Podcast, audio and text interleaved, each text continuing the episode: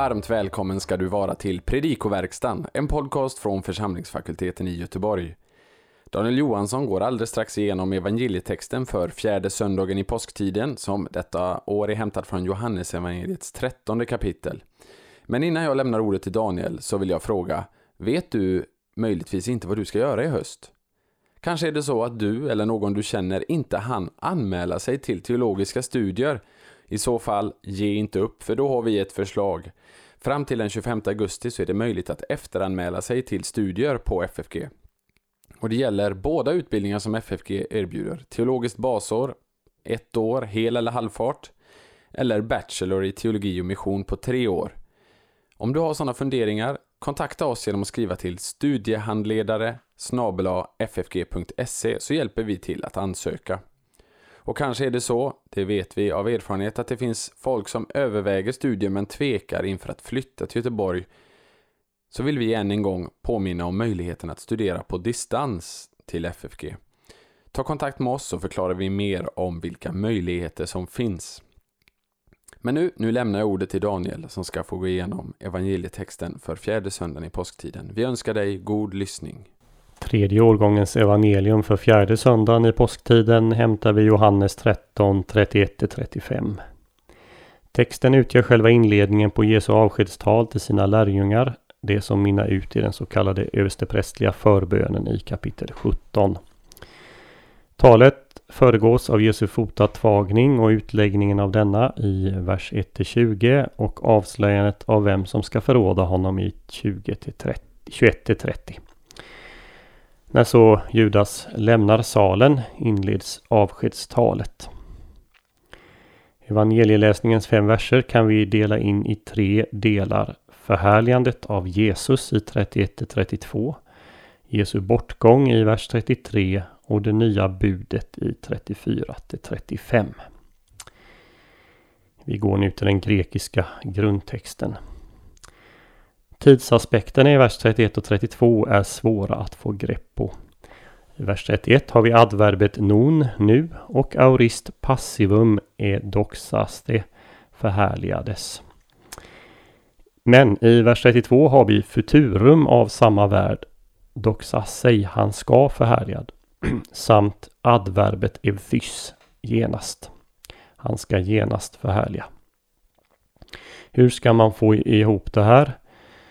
Bibel 2000 översätter med svensk perfekt i vers 31. Nu har människosonen förhärligats medan folkbibeln översätter nu är människosonen förhärligad. Det senare hade väl varit en mer naturlig översättning om verbet och satso stått i perfekt istället för aurist. Bibel 2000 ligger närmare auristens vanliga betydelse. Och samtidigt står det i vers 32 att Gud ska förhärliga honom i futurum och att detta ska ske genast.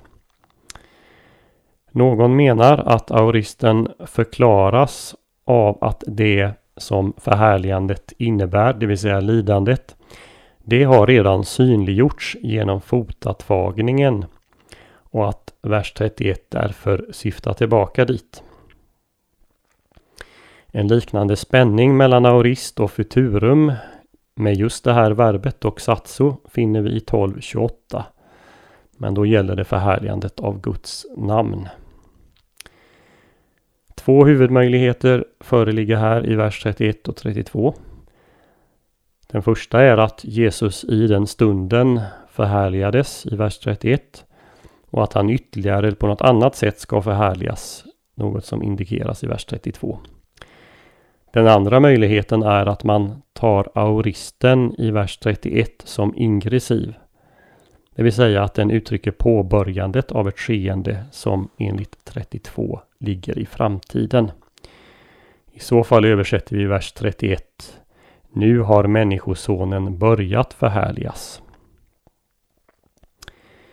I, eh, I vers 32 möter vi också ett av evangelisten Markus favoritord, evthys, omedelbart genast.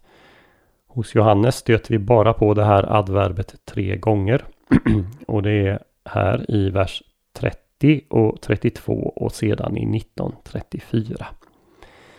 De svenska biblarna översätter det med snart.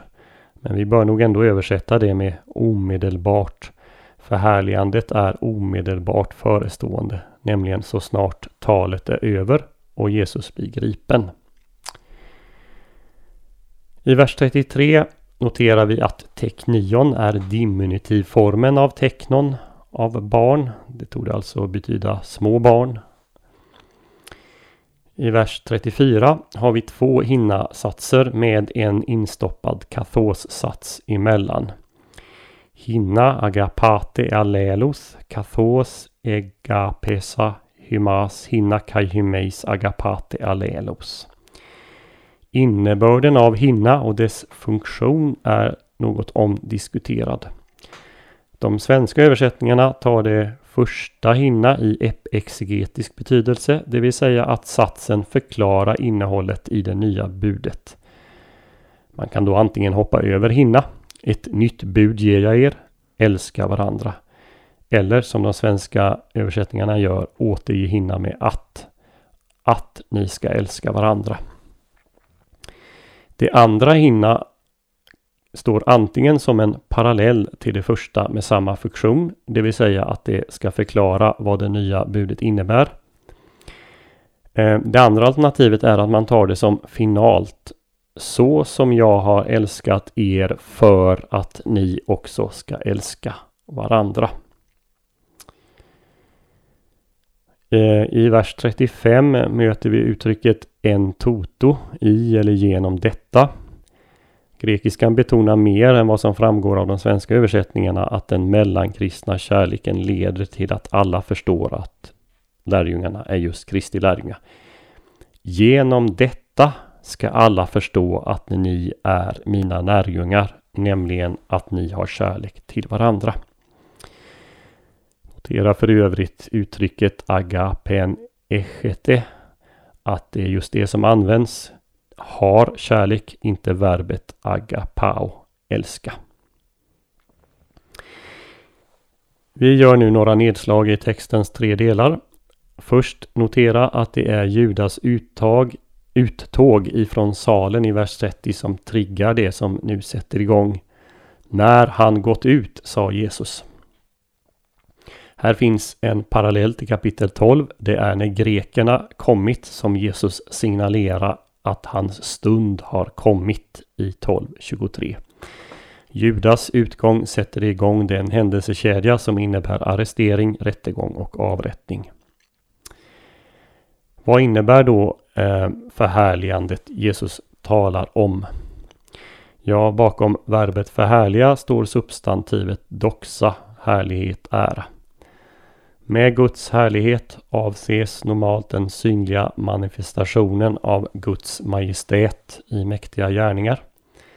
Verbet förhärliga avser då en manifestation av Guds härlighet eller att man prisar den som manifesteras i sådana gärningar. I Daniels bok kapitel 7 förknippas Människosonen med härlighet så också fallet i Henoksboken. I de synoptiska evangelierna associeras Människosonen både med lidande och härlighet, men härligheten ligger primärt i framtiden när Jesus kommer tillbaka. Hos Johannes har de på ett dramatiskt sätt förts samman i själva korshändelsen. Och ingen har väl illustrerat detta bättre än Johann Sebastian Bach, inledningskören till Johannespersonen till det mörka drama som utspelar sig i orkestern sjunger kören orden från Saltaren 8, vers 1. Herre, hur härligt är inte ditt namn över hela jorden. Det råder ingen tvekan om att förhärligandet av Sonen och Gud i Sonen äger rum på korset. Däremot är kommentarerna delade huruvida förhärligandet enbart sker på korset vilket jag personligen är benägen att tro. Eller om uppståndelse och upphöjelse till himmelen också inkluderas i detta skeende. Satsen Gud är förhärligad i honom har givits åtminstone fyra tolkningar. Genom Jesus hålls Gud i ära av människor, skulle vara den första. Den andra, Gud är ärad av Jesus, den tredje, Gud har vunnit ära för sig själv genom Jesus. Och den fjärde Gud har uppenbarat sin härlighet i Jesus. Den senare accepteras av de flesta utläggare. Bland annat därför att den troliga bakgrunden finns i Jesaja 49.3 du är min tjänare Israel, genom dig vill jag förhärliga mig. Men Jesu roll går mycket djupare än den som tillskrivs Israel i Jesaja 49. Fadern och sonen ska förhärligas i varandra. Fadern förhärligas genom Jesu lydnad, offer, död, uppståndelse, upphöjelse. Sonen förhärligas genom samma händelser och genom att han genom dessa återvänder till den härlighet han hade med Fadern innan världen blev till. Så som han säger i 17.4. Det här härlighetstemat det återkommer för övrigt flera gånger i avskedstalet. 14.13, 15.8, 16.14, 17.1-5 och så i verserna 10, 22 och 24 i samma kapitel. Vi går fram till vers 33. Den visar på Jesu djupa emotionella anknytning till sina lärjungar. Jesus kommer senare att kalla dem för sina bröder i 2017. Men här kallar han dem för barn i den personliga och kanske lite barnsliga diminutivformen. Evangelisten Johannes själv använde samma beteckning på sina medkristna i första Johannesbrevet. Sju, hela sju gånger. Kanske man här kan översätta med mina småbarn. Det ligger kanske inte så naturligt för oss på svenska men i andra, många andra språk så fungerar det att, att översätta med en diminutiv form. Det är alltså Jesus som familjefadern som leder påskhögtiden som här talar till de som är samlade runt om honom. Uttrycket är också passande i ett avskedstal där den döende fadern talar till sina barn så som till exempel i Rubens testamente 1-3.